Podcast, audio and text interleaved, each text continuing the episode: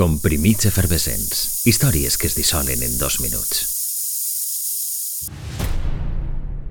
Va néixer a Edimburg el 1768 i va estar imprimint-se de forma pràcticament ininterrompuda durant dos segles i mig. Tot i temps fou considerada una de les enciclopèdies més fiables i excel·lents mai impreses en llengua anglesa però el temps i el progrés obligarien els seus responsables a prendre una decisió salomònica ara fa 5 anys. Un 13 de març l'enciclopèdia britànica deixava d'imprimir-se per a sempre. Era el buc insígnia de la casa i mai més tornarien a imprimir-se els 32 volums que es publicaren en l'edició de 2010. Una obra molt més extensa, profunda i exacta que la que es va publicar per primera volta gràcies a un gravador i a un operador d'impremta escocesos. Aquella primera edició constava de només 3 volums.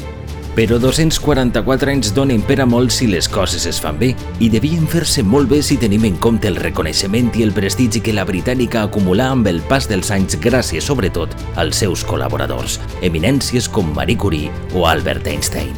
No obstant, la presència d'aquestes firmes tan rellevants no la va blindar de les crítiques. Una de les més significatives va ser la de Virginia Woolf, que va acusar la publicació de difondre opinions burgeses i arcaiques sobre l'art o la literatura. Avui en dia, la britànica lluita per mantindre la seva influència, en este cas a la xarxa, amb no poques dificultats i competència, des del 13 de març de 2012.